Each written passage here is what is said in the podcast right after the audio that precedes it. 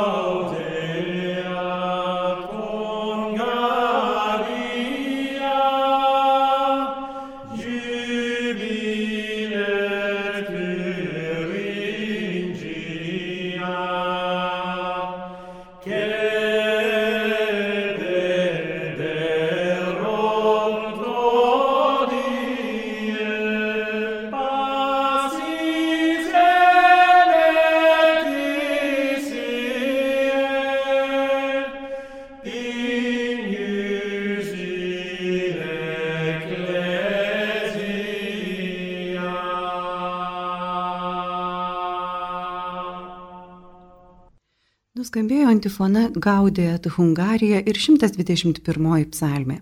Atliko ansamblis Grendiuliovua iš Prancūzijos, vadovaujamas Bjorno Šmelcerio. Apie patį ansamblį papasakosiu kiek vėliau, o dabar apie programą, kurią jie įrašė į kompaktinę plokštelę ir beje 2016 rudenį atliko Vilniuje, Pranciškonų konventualų bažnyčioje, senosios muzikos festivalio banketo muzikalę koncerte.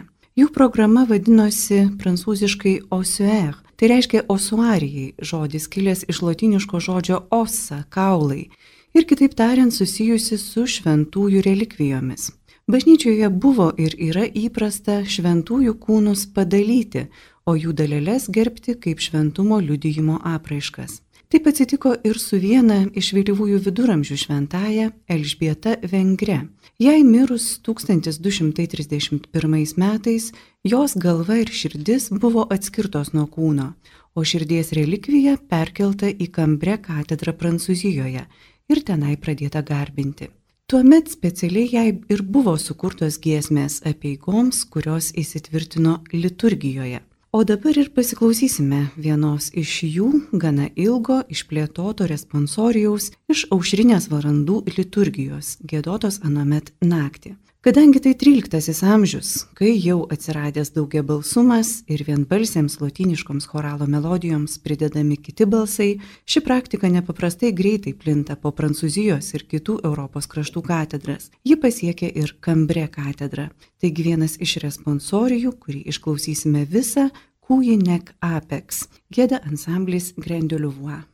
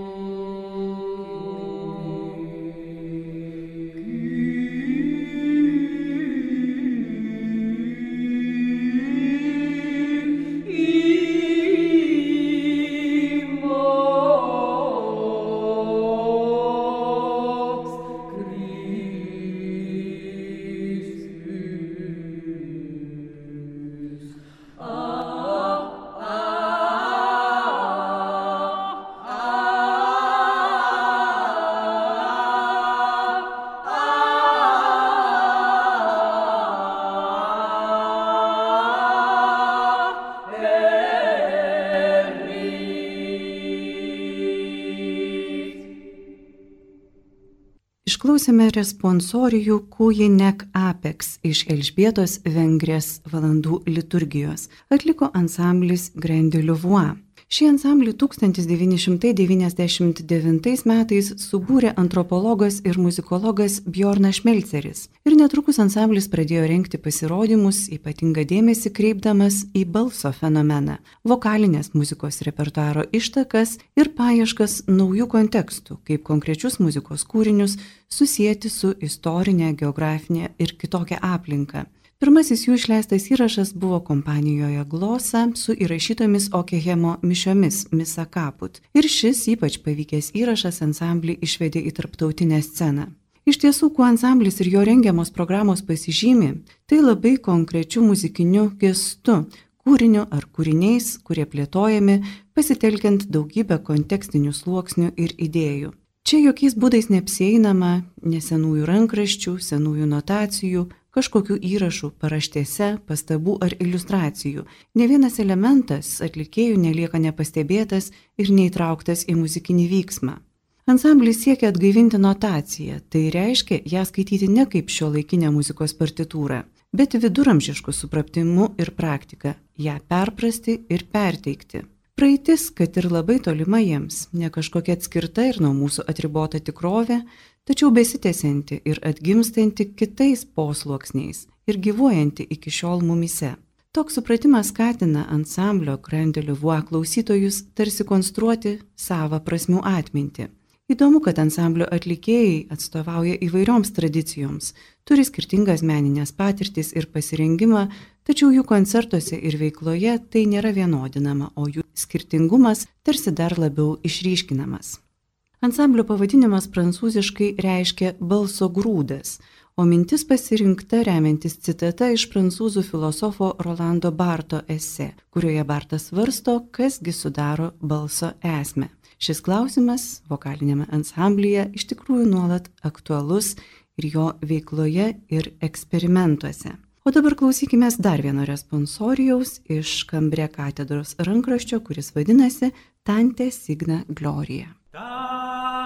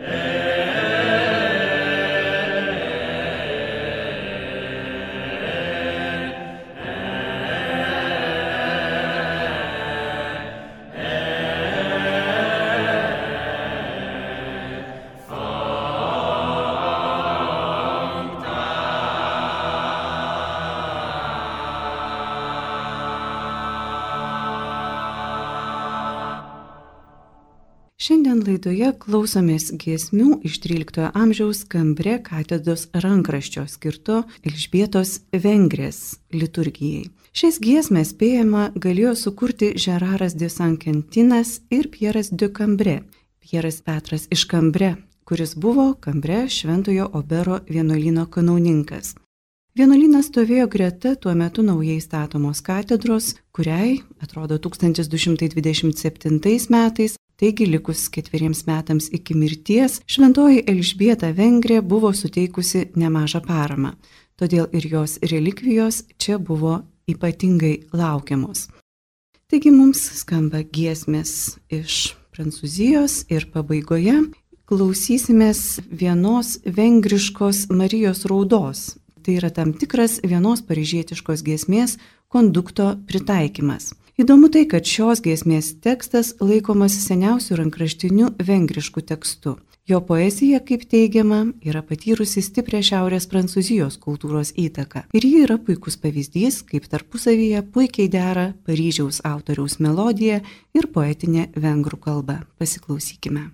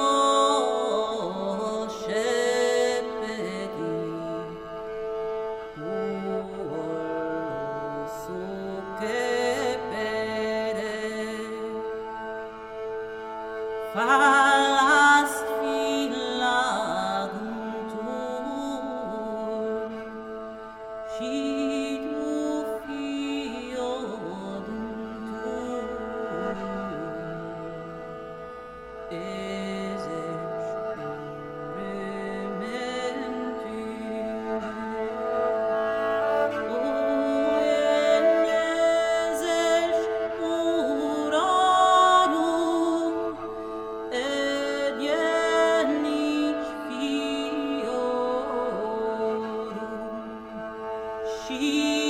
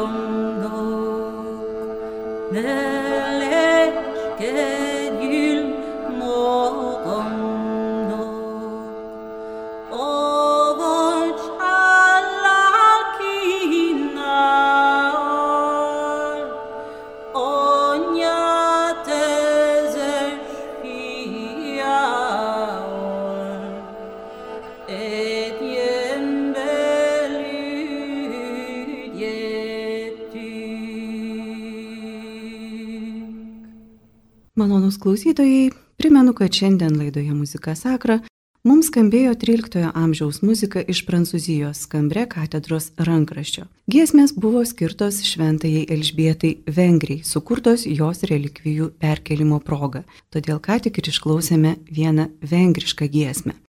Gėdojo ansamblis Grenduliuvua, vadovaujamas Bjorno Šmelcerio. O laidą šiandien jums parengė ir vedė Živilė Stonytė. Iki kitų susitikimų.